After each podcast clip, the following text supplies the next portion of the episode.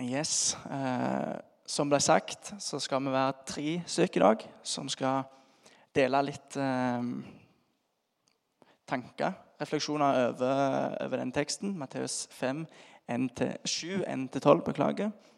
Eh, så jeg skal starte med å lese den teksten som jeg, som jeg forstår hva teksten snakker om. Den er oppe på skjermen, ja. Supert. Døm ikke for at dere ikke skal bli dømt. Etter dommen dere dømmer med, skal dere selv få dom. Og i samme mål som dere selv måler opp med, skal det også måles opp til dere. Hvorfor ser du flisen i din brors øye, men bjelken i ditt eget øye legger du ikke merke til? Eller hvordan kan du si til din bror, la meg ta flisen ut av øyet ditt, når det er en bjelke i ditt eget øye? Din hykler, ta først bjelken ut av ditt eget øye. Da vil du se klart nok til å ta flisen ut av øyet til din bror. Gi ikke hundene det hellige, og kast ikke perler til svin. De vil bare trampe dem ned, vende seg mot dere og rive dere i stykker. Be, så skal dere få. Let, så skal dere finne. Bank på, så skal det lukkes opp for dere. For den som ber, han får, og den som leter, han finner. Og den som banker på, skal det lukkes opp for. Eller hvem av dere vil gi sønnen sin en stein når han ber om brød? Eller gi ham en orm når han ber om en fisk?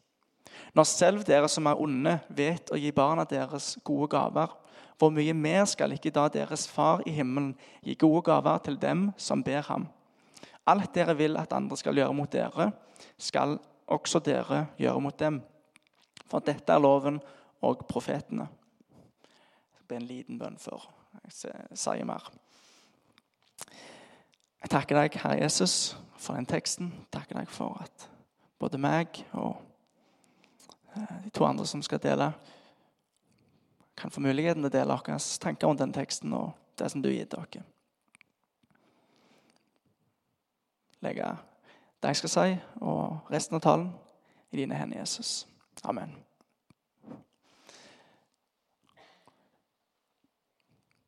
Når jeg leste teksten, så, så, slo det meg at det står veldig mye forskjellig her. Jesus sier veldig mye forskjellig her. Ikke ting som er motsigende, selvfølgelig, men, men, det er en del ulike ting som blir sagt. Og så kjente jeg vel på at dette, dette er veldig praktisk. Dette er veldig konkret. Som for så vidt mye av bergpreika er, som vi har sett i de tidligere talene som har vært. Og så kjente jeg på det når jeg leste disse versene, at det er mye utfordringer. Ehm, teksten eller Jesus her oppfordrer oss eh, veldig konkret i forhold til hvordan vi lever livet vårt. Vi blir liksom stilt til ansvar på en del ting. Det første jeg tenkte over ehm, som hører til den første, si, den første delen av teksten, de første fem versene.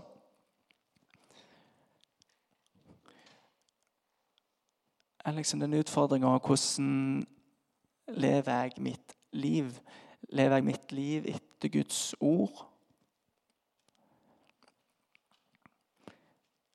Kan jeg hjelpe andre til å se sine synder? Hjelpe dem til å omvende seg fra sine synder? Eller være et instrument rettere sagt, for at de omvender seg for sine synder hvis jeg ikke ser mine egne synder. Og kanskje mest konkret kan jeg hjelpe andre medkristne med å se en konkret synd hvis jeg sliter med det samme og ikke vil innse det.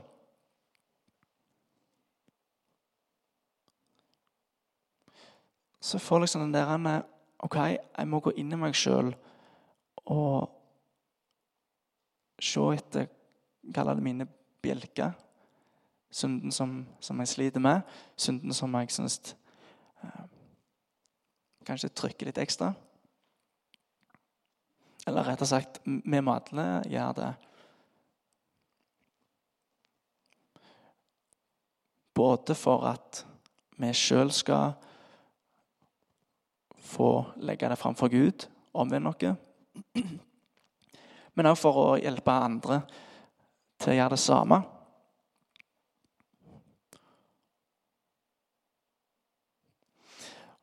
Og så den neste delen, som handler mer om bønn. Så stiller jeg meg selv spørsmålet legger jeg ting fram for Gud. Det er noen veldig sterke løfter her knytta til bønn. Og så når jeg leste det, så, så stoler jeg på disse løftene.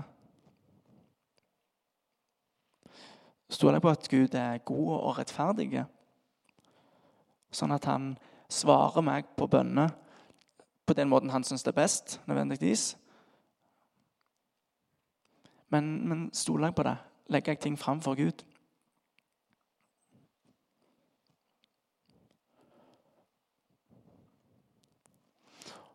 Og så siste verset, som vi kanskje kaller for den gylne regel. Om at alt som, som vi vil at andre skal gjøre mot dere, skal vi også gjøre mot deg. Og så står det slutt, for dette er loven og profetene.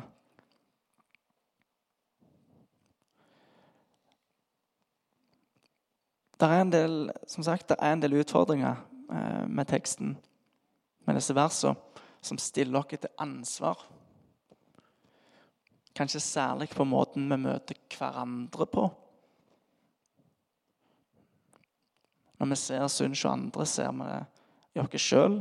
Omvender vi det omvender vi oss sjøl fra det. Før vi hjelper andre til å se samme synd og omvende seg.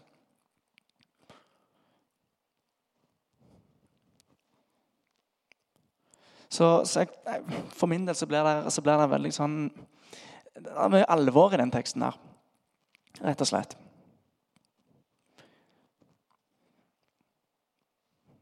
Samtidig så, så er det en ting til i disse versene som, jeg, som ble på en måte litt sånn eh, Hva skal jeg si Det tok ikke vekk alvoret, men det satte ting i et veldig viktig perspektiv. Og det er når det står om bønn Disse løftene Løftene om at Gud Både at Gud lar seg finne, men, men i bønn så, så vil Gud gi. Han ønsker å gi, han ønsker å åpne opp. Ønsker å gi oss gode gaver når vi kommer for ham, framfor ham. Og som jeg sa det, Han svarer sånn som han svarer. Eh, det er ikke vår oppgave å bestemme hvordan Gud besvarer bønnene. Det er utrolig viktig. Men samtidig så, så, viser det at det er en Gud som, som ønsker å gi, som ønsker å være til stede. Og kanskje det viktigste når vi møter sånne tekster der det er mye sånn som utfordrer, så, så er alt dette her i lys av en Gud som gir nåde, som gir tilgivelse for synder. Som sender Den hellige ånd ned, som får kraft til å gå på disse ordene, til å leve etter Guds ord. Og Det er helt nødvendig at vi for så vidt nødvendig at vi stoler på Gud, men helt nødvendig at Gud faktisk gir oss nåde for at vi skal kunne leve etter dette. For i oss sjøl er det helt umulig. Men Gud hjelper oss til det. Så Gud gitt dere nytt liv, sånn at vi kan få lese disse ordene, forstå disse ordene, gå på disse ordene og hjelpe hverandre til å leve etter disse ordene. Så skal jeg lese noen vers eh, som jeg syns er veldig eh, passende til, til, det som jeg har sagt. og Det er rett og slett fra Efeserbrevet, kapittel 2, vers 8-10. For av nåde er dere frelst ved tru. Det er ikke deres eget verk, det er Guds gave. Og det hviler ikke på gjerninger, så ingen skal skryte seg sjøl. For vi er Hans verk, skapt i Kristus Jesus, til gode gjerninger som Gud på forhånd har lagt ferdige, så vi skulle vandre i deg. Utrolig godt å ta med seg. At de formaningene som, som Bergprekka gir, så vet vi at Alt dette er i lys av det som Gud har gjort for oss på korset, og den nåden som vi lever i.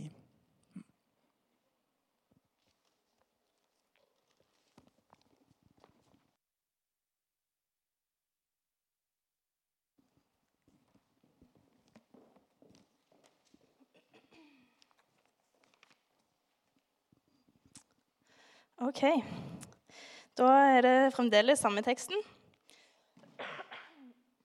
Um, ja, Vi har jo samme teksten, så det kan jo være at eh, dere merker at noen av poengene blir det samme. Men uh, da tenker jeg at uh, Gud har tenkt at dette skal vi høre flere ganger. Um, ja, når jeg leste den teksten første gangen, så ble det litt sånn som Helge sa, at uh, her var det mange temaer på en gang. jeg hadde hørt Denne teksten tror jeg egentlig jeg bare har hørt mye sånn altså, de forskjellige temaene som enkelttaler. Eh, men så når jeg skulle lese den sjøl, begynte jeg å prøve å se litt hva, hva sammenheng er der egentlig mellom disse versene. Eh, jeg skal ikke gå gjennom alle versene sånn punkt for punkt, men, men, det jeg følte at Gud la på hjertet mitt for i kveld. Eh, for jeg opplevde at eh, Gud viste meg i hvert fall en sammenheng i teksten som jeg ikke har tenkt så mye på før, og i hvert fall ikke direkte knytta til akkurat denne teksten. Det som traff meg først, var eh, naturlig nok det som står først i teksten. Eh, døm ikke. For hvis vi dømmer noen, da må vi forvente eh, Da kan vi forvente å bli dømt etter samme standard. Hvis jeg er skikkelig streng og vanskelig med et annet menneske, så er det jo helt på jordet å forvente slack fra de eh, når jeg driter meg ut neste gang. Eh, og I tillegg så peker teksten på litt på hvem, hvem er jeg til å stå med en pekefinger eh, og dømme mine medmennesker for den synda som jeg ser i deres liv, når jeg er like syndig sjøl. For altså det er jo ikke lenger at, selvfølgelig, Jeg ser jo at mennesker rundt meg gjør synd. Jeg ser jo at mennesker rundt meg søker mer av verden enn de gjør av Gud. Jeg ser mennesker rundt meg som er på vei bort ifra Gud. Ehm, men likevel, hvordan er det jeg ser dem, og hvordan er det jeg møter dem? Skal jeg, snakke, altså skal jeg være helt ærlig med meg sjøl? Jeg har jo lyst til å si at ja, jeg møter dem kjempebra, og ingen fordømmelse her. Eh, men når jeg, altså, inni mitt eget hode så er det så fæle tanker av og til. I form av at jeg tenker ah, ja, men jeg er, ikke, jeg er i hvert fall ikke så ille. Eh, det der hadde jeg aldri gjort. Eh, og så kan jeg tenke ja, ok, jeg vet at jeg er en synder, men, men ja, ja, jeg prøver i hvert fall. Og jeg vet ikke Det ser ikke helt ut som de prøver. Og så, ubevisst eller bevisst, så hever jeg meg over dem. Um, og dette kan skje når jeg er alene. Men det kan òg skje at man sitter en gjeng og prater. Eh, og så blir vi veldig opphengt i hva alle andre gjør feil. Hva andre personer eller menigheter eller sånn, gjør feil. Og så eh, vet vi på en måte sånn ok, Vi gjør jo ting, vi òg, men, men, vi fokuserer ikke på det. Vi fokuserer på andre. Vi stiller oss sjøl til dommere over andre. Men vi kan jo ikke late som at vi ikke har synd i egne liv. Men betyr det at vi ikke skal dømme, som det står i teksten? Betyr det at vi ikke har noen rett til å uttale oss om synd i andres liv? Hvis, ser, hvis jeg har en kristen venninne eller en kompis som jeg ser sliter med en stund, har jeg ingen rett til å si noe i møte med det? Det tror jeg at jeg har. Um, fordi jeg tror at vi som kristne vi er brødre og søstre. Vi er kalt til å lede hverandre nærmere Gud. Til å gå sammen gjennom livet og til å hjelpe hverandre ut av synd. Det er Gud som skal gjøre det, men, men, vi kan få lov til å bli brukt inn i livet til hverandre på den måten. Men igjen så handler det om måten det blir gjort på. Og jeg tror at Hvis vi fokuserer på alle andres problemer foran oss sjøl, eh, så setter vi oss over dem. Og så handler vi ikke lenger i kjærlighet og omsorg. Eh, men vi sitter på en høy hest og, og tenker at vi har alt ved det. Men jeg tror at hvis Gud får forandrer oss først, så kan vi få lov til å gå eh, sammen med andre. Og det her jeg eh, begynte å se en mer sånn sammenheng. For Hvis vi hopper litt videre, så snakker Jesus plutselig om bønn.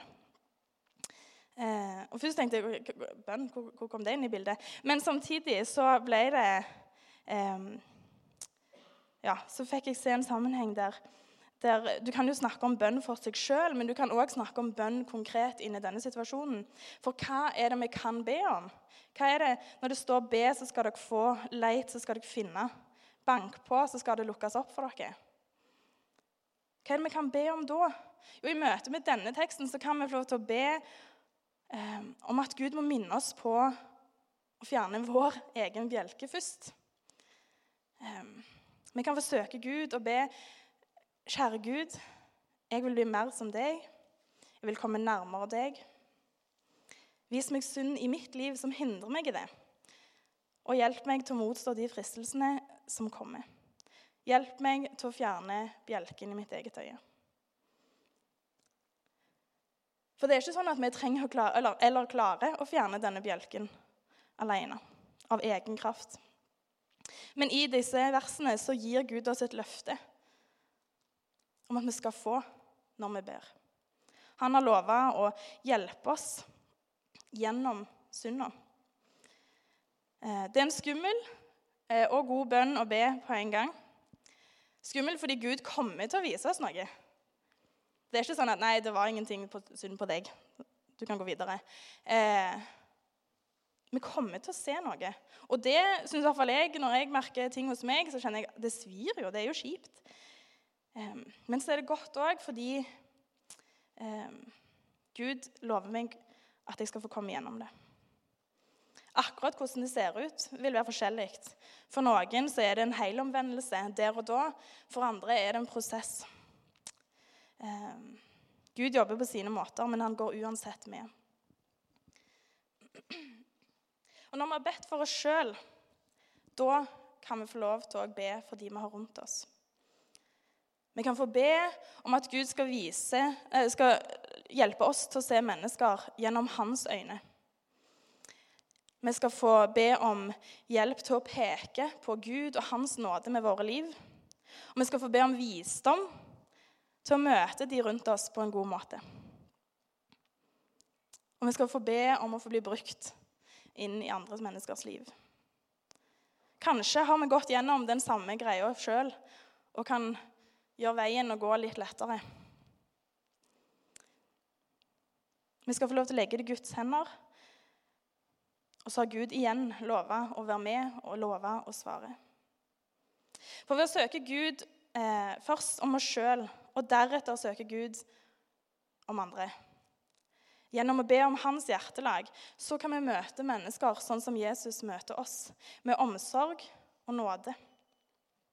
For Det står i slutten av disse versene om Eh, hvem av dere vil gi sønnen sin en stein når han ber om brød, eller en orm når han ber om en fisk? Når sjøl dere som er onde, vet å gi barna deres gode gaver, hvor mye mer skal ikke da deres far i himmelen gi gode gaver til de som ber til han? Når vi ber til Gud om å vise oss synd i livet og om å fjerne synd i livet vårt, så møter han oss ikke med fordømmelse, men han møter oss med nåde. Og sånn skal òg vi få møte våre brødre og søstre.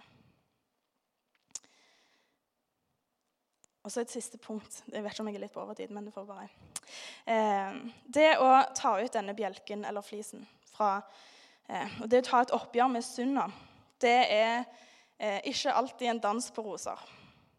Eh, eller jeg har egentlig notert meg at det, er, kan være en dans på roser hvis du regner med at rosene har torner. I en av eh, Narnia-bøkene eller filmene Jeg husker ikke helt hvilken om det er filmen eller boka jeg snakker om. Men eh, der hører vi en historie om, en, om et eh, dra-til-tryne som heter Edmund. I løpet av historien så eh, kommer han over en mengde gull. Og han grabber til seg så mye som han kan, eh, bl.a. et gullarmbånd. Og det tar han på seg. Og så grabber han til seg alt han finner. Eh, og Så sovner han etter en stund, eh, men når han våkner, så merker han at noe er galt. Han er ikke lenger gutten Edmund, men han har blitt fanga i en dra dragekropp. Han har blitt en drage, eh, for det armbåndet som han tok på seg, eh, hadde en forbannelse i seg som gjorde at Edmund rett og slett ble fanga i sin egen gjerrighet. Uansett hva han prøvde, så gikk ikke det armbåndet av, og det drageskinnet gikk ikke av.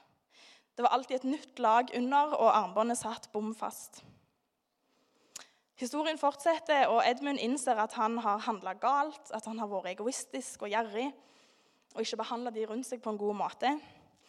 Eh, og så forstår han òg at han kan ikke bli fri av denne dragekroppen av seg sjøl.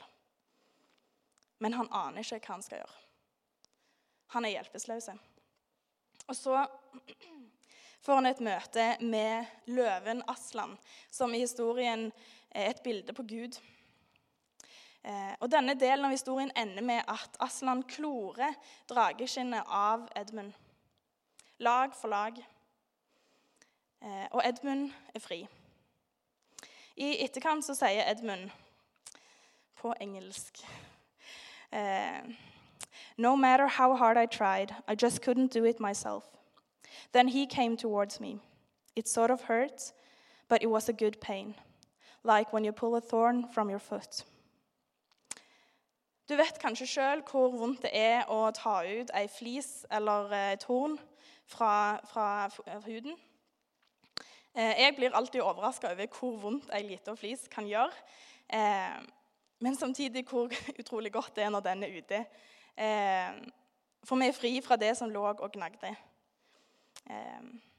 Og så, er på en måte poenget med, med som C.S. Lewis hadde i den historien da, om Edmund, er å minne oss på hvordan synd òg kan være sånn. Den kan gjøre vond å trekke ut, den kan gjøre vond å ta et oppgjør med. Det kan svi, det kan eh, ja, Man kan kjenne på skam eller skyldfølelse eller ja, masse følelser kan komme opp når vi skal ta et oppgjør med synd. Og mange ganger så har vi kanskje ikke lyst engang til å ta et oppgjør med den. Fordi vi, vi syns at prosessen blir for hard. Men så blir det som dette at det, når flisen er ute, når tornet er ute, så er det godt. Fordi Gud ønsker gjennom denne prosessen å vise sin enorme kjærlighet. Og Han ønsker også å vise som Aslan var den eneste som kunne ta av drageskinnet, så er Gud den eneste som kan gjøre oss helt rene. Gud sin kjærlighet og hans nåde, den vil sette oss fri. Fri til å leve med Gud, fri til å se verden gjennom Guds øyne fremfor gjennom fordømmende øyne. Og skal vi få lov til å vise den samme kjærligheten og nåden til våre medmennesker.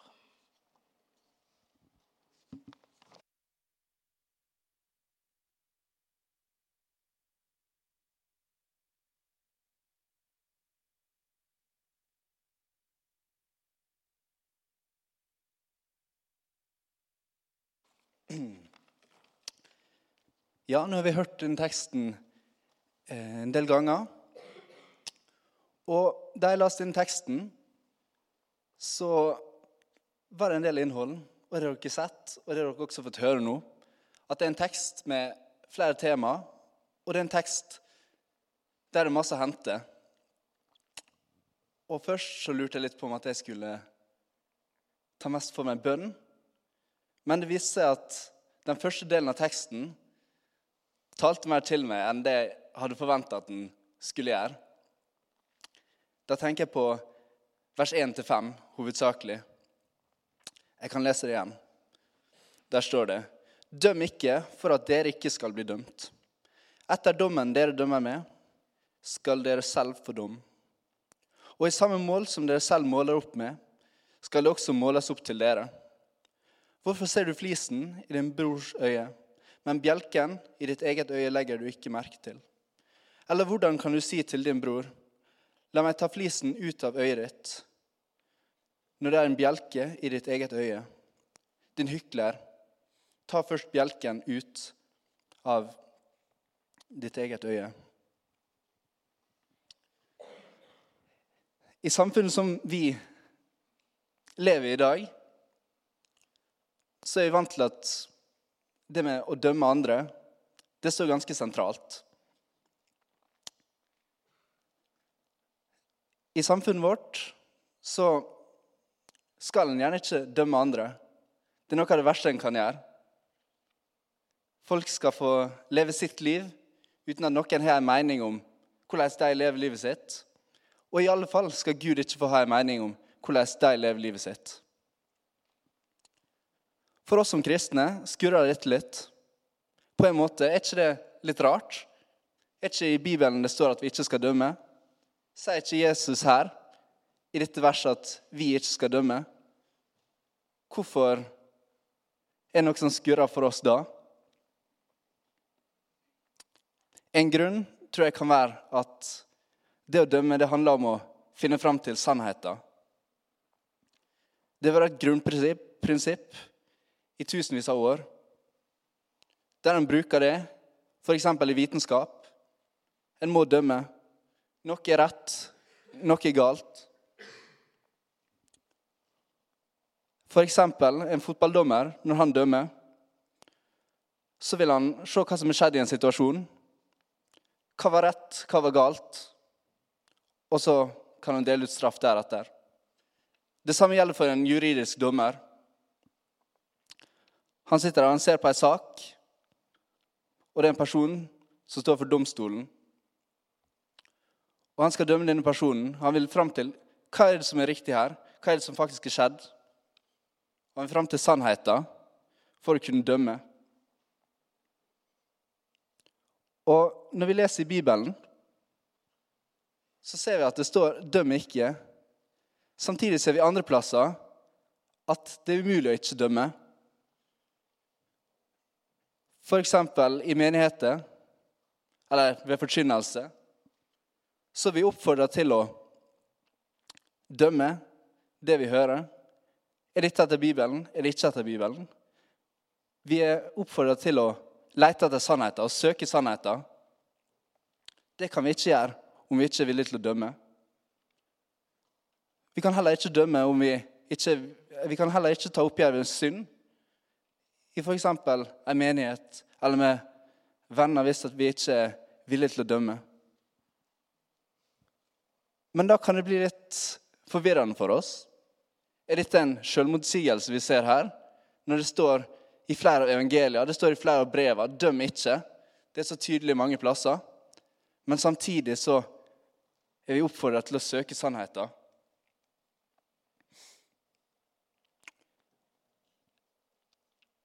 Jeg kunne kommet med ei liste over mulige tilfeller der en skal dømme eller ikke dømme. Men det skal jeg ikke gjøre. Det er umulig. Og jeg tror heller ikke det hadde hatt så masse for seg. Men jeg har lyst til å dele noe fra mitt eget liv, av erfaringer. Kanskje litt hvorfor denne teksten traff ekstra, ekstra masse, denne delen av teksten. Jeg har mange kristne venner, og jeg er veldig glad i dem. Men de siste åra har jeg kanskje kjent på at jeg har vært litt aleine. Og at vi ikke er enige om så mange ting. En er kanskje ekstremt konservativ. Det kan bli altfor masse. En annen er kanskje altfor liberal. Syns alt er greit. Skeptisk til om at det vi i det hele tatt skal ta hensyn til det som står i Bibelen. En er kanskje veldig karismatisk. Alt handler om nådegave. Alt handler om Den hellige ånd, åndsdåp, og det er stort sett det det går i. En annen er opptatt av alt bortsett fra det. En har kanskje et usunt forhold til alkohol. En annen virker ikke som han bryr seg om det Bibelen sier om ekteskapet. En annen bryr seg ikke om hvordan han snakker, og er banna og kommer med mange stygge ord. Hvem, hvem, kan jeg da snakke med? Hvor er de ekte folka, kan jeg tenke da? Men i møte med denne teksten så ble jeg nødt til å stoppe opp litt. Her står det om en bjelke som er i mitt eget øye. Og kanskje er ikke alle disse tingene her nå noe som jeg kan kjenne på at jeg sliter med. Men når vi leser selv i Bergpreika, så slipper vi ikke vi så lett unna likevel. Kanskje når vi leser i Mosebøkene, de ti buda Du skal ikke slå i hjel. Nei, jeg har aldri slått i hjel. Du skal ikke gjøre både det ene og det andre, og du kjenner deg kanskje ikke igjen i det. Men når Jesus snakker i bergpreika, så er han fryktelig radikal. Og han sier at den som bare sett på ei kvinne med begjær, han har begått et brudd med det sjette bud. Så kanskje ikke er det slik at jeg har et usunt forhold til alkohol, men kanskje har et usunt forhold til andre ting. Kanskje lever ikke jeg alltid i strid med ekteskapet, men jeg har sannsynligvis mine lyster og begjær. Kanskje banner jeg ikke, men jammen kommer det mange stygge ting ut av munnen min likevel.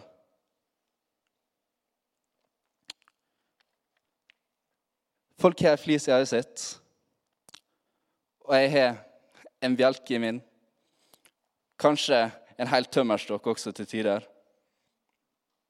Men når de står der med ei flis i øyet sitt, vil ikke det gi mening å hjelpe dem? Ingen vil jo ha ei flis i øyet sitt. Jeg tror saken er ikke at vi ikke skal få hjelpe, men Bibelen her, den er gave til hver enkelt av oss. Men det er så lett å tenke at lova og alle formaningene, det er til alle de andre.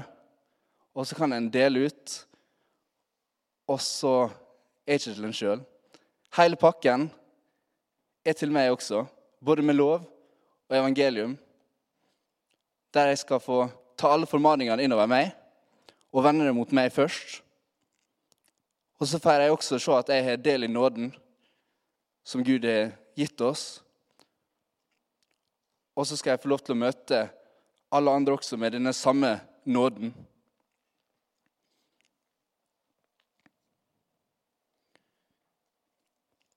Det som jeg kanskje syns har vært like utfordrende, det kristne med andre meninger fra andre trossamfunn, fra andre forsamlinger. Det er et område jeg er blitt utfordra på med tanke på å dømme andre. Ofte kan en være i forskjellige sammenhenger der en samles fra forskjellige menigheter og forskjellige sammenhenger, og kan virkelig oppleve at en blir frustrert fordi en har forskjellige meninger. Her om dagen var jeg snakket med ei jente. Vi snakka om løst og fast, men vi kom til å snakke om forskjeller der vi tror, og hva vi tror på. Og så slipper det til slutt ut av meg. Den menigheten der, den er det masse kritikkverdig ved. Og like etter så sier hun Jammen er det masse kritikkverdig med oss også. Og jeg sa ja, ja, ja. Det, det er sant, det. Men det var noe jeg kom til å tenke på i ettertid. Først var det jo litt dumt, for det var jo helt sant. Jeg skulle ønske det var jeg som var smart nok til å komme på å si det. Men også så traff det litt. Fordi det ble et slags praktisk eksempel for meg av det å trekke bjelken ut av sitt eget øye.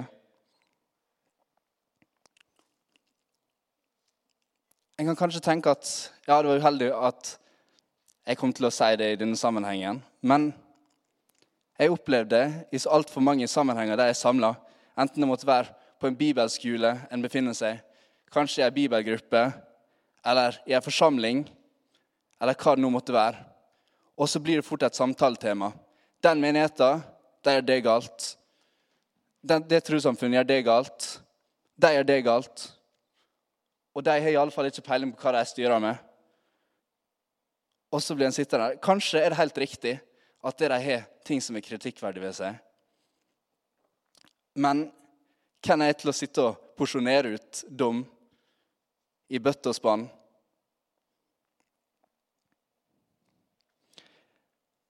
En gjør dette fordi at en ønsker En er gjerne på jakt etter sannheten og hva er riktig. En søker Bibelen oppriktig. Og kanskje ser en at andre menigheter ikke gjør ting sånn som en ser i Bibelen at det gjerne skulle vært gjort. Men så blir det fort så masse mer. Den ender opp med å baksnakke ei menighet i stedet for å gå i rette med dem og faktisk snakke med dem. En baksnakker skaper fordommer, og det kommer ikke noe godt ut av det. Nå er jeg straks ferdig, men jeg hadde lyst til å lese et vers som står i Jakobs brev, kapittel 4, 11-12. Skal vi se Baktal ikke hverandre, brød. Den som baktaler en bror eller dømmer bror sin, han baktaler lova og dømmer lova. Men dersom du dømmer lova, da gjør du ikke det lova sier, men setter deg til doms over lova. Det ble nevnt tidligere at vi skal gjøre alle disse tingene i kjærlighet. Men iblant kan det være så fryktelig vanskelig å forene denne nå, jakta etter det som er sant. Vi søker det som er sant, og ønsker så gjerne at vi skal leve etter det som er sant. Andre skal leve etter det som er sant. Men så er det så vanskelig å elske samtidig som en gjør dette. I Johannes første brev, 3.14, der står det Vi veit at vi har gått over fra døden, døden, til livet fordi vi elsker brødrene. Den som ikke elsker, blir værende i døden. Vi oppfordrer til å elske hverandre i alt vi gjør. Til og med elske fiendene våre. Og Det er også noe vi skal få ta med oss når vi går i rette med våre søsken. Og elske dem også i de handlingene vi gjør der. Det kan være vanskelig å dømme. En av de som står fram som en god dommer i Bibelen, det er Salomo. Han var en vis mann, men det var ikke av seg sjøl han hadde blitt så vis. Han hadde søkt Gud. Derfor hadde han masse å dømme med. Og Vi er også feilbarlige mennesker. Vi kan ikke dømme. Vi er ikke perfekt sånn som Gud. Men vi har fått Bibelen, og vi har fått bønn. Der kan vi søke visdom. Og Det står i Bibelen at de som søker visdom hos Gud, de skal få det. Så når vi står overfor vanskelige spørsmål der vi skal dømme, så kan vi alltids lete der det finnes svar. Til slutt har jeg lyst til å be. Kjære Gud, takk for det vi har fått se i denne teksten. Takk for at du minte oss på noe her. Du ser det kan være vanskelig, alle disse tinga, enten det måtte være det å dømme andre eller å be. Jeg ber om at du må gi oss visdom i alle disse tinga og hjelpe oss, for du ser at vi er, vi er bare mennesker. Jeg ber om at du må lede oss og hjelpe oss til å elske hverandre i alt vi er. Om det så måtte være vanskelige ting, så ber jeg om at du må rettlede og styrke oss. Amen.